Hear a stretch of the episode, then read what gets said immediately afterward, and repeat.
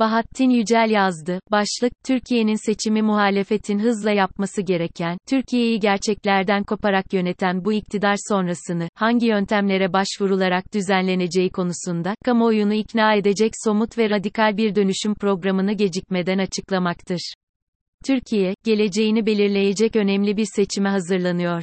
Zamanında yapılırsa, oy verme gününe 7 ay kala seçmenlerin eğilimlerine göre 3 ana kümede toplandıkları gözleniyor. AKP-MHP ortaklığıyla kurulan Cumhur İttifakı, radikal İslamcı anlayışı hoş gören, gerektiğinde bu çizginin söylemlerine yer vermekten çekinmeyen, özünde popülist tutumuyla öne çıkıyor. CHP artı İyi Parti ağırlıklı, Millet İttifakı'nın programı açıklanmadı. Ancak ekonomide, merkez sağ çizgide olduğu izlenimi uyandıran yaklaşımı dikkat çekiyor. Henüz somut bir program önermek yerine, önceliği bu iktidardan kurtulmaya odaklanan açıklamaların ana fikri, oy verin, sorunları biz çözeriz, olarak özetlenebilir. Üçüncü blok, HDP ile tipin oluşturdukları ittifak. Cumhur ve Millet İttifaklarının seçimlerde bekledikleri çoğunluğu sağlamaları, kesinlikle bu bloğa yakın seçmenlerin verecekleri oylara bağlı. Bu gerçeklik ülkemize özgü bir tutumla şimdilik, herkesin bildiği sırlar arasında, özenle kamuoyundan saklanıyor. Öte yandan diğer iki ittifakın HDP ile farklı boyutlarda ilişki kurdukları, iktidara gelmek için öneriler götürdükleri, resmen açıklanmasa da kulislere sızıyor. AKP yükselen krizi bahane ederek, son yıllarda abartılı bir propaganda aracı olarak kullandığı, sanal başarı öykülerinden asla vazgeçmiyor. Ancak yerli otomobil projesiyle süslemeye çalıştığı, etkin iktidar olma gösterilerinde sergilenen beceriksizleri de gözlerden kaçmıyor. AKP yönetimi başarı hikayesi oluşturma hevesini var gücüyle sürdürürken, tartışmalı yasalarla eleştirileri engelleme çabalarından geri adım atmıyor. Bu süreçte CHP'nin helalleşme projesi kapsamında zamanlama hatası ile gündeme getirilen başörtme özgürlüğü girişimini HDP'nin desteğini alarak referanduma götürmeyi amaçlıyor. Böylece kamuoyunun dikkatlerini gerçek gündem olması gereken, ekonomi ve dış politikadan anlamsız bir tartışmaya çekerek, muhafazakar Kürt seçmenlerin oylarını almayı hedefliyor.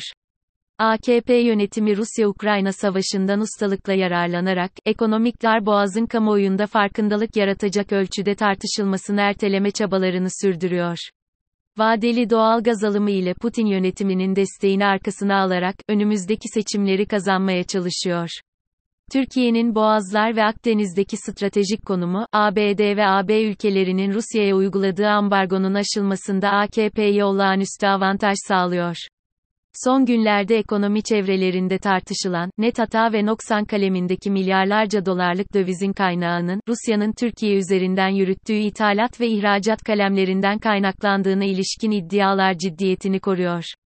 Muhalefetin özellikle dar gelirli gençler arasında yaygınlaşan uyuşturucu kullanımını gündeme getirmesinin, iktidar çevrelerinde tedirginlik yaratması yanında kamuoyunda uyandırdığı tepki, doğru zamanla yapılırsa iktidarı zorlayacağı benziyor. Özellikle büyük şehirlerde CHP'li belediyelerin uyuşturucu pençesine düşen ya da düşme potansiyeli olan gençleri, tedavi ve önleme amacıyla kuracakları aile destek merkezleri aracılığıyla sahiplenmeleri, muhalefete gündem belirleme şansı verebilir.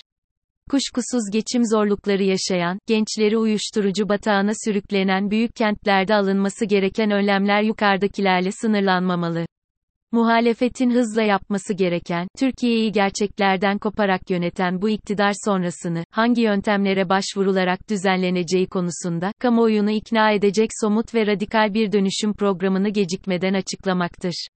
Vergi ve tarımsal arazi mülkiyetini yeniden düzenleyecek, yerel yönetimlerin yetkilerini arttıran, Türkiye'nin yeniden yapılanmasına ilişkin düşüncelerini açıklamaları, en az yurtdışı temaslar kadar önemli değil mi?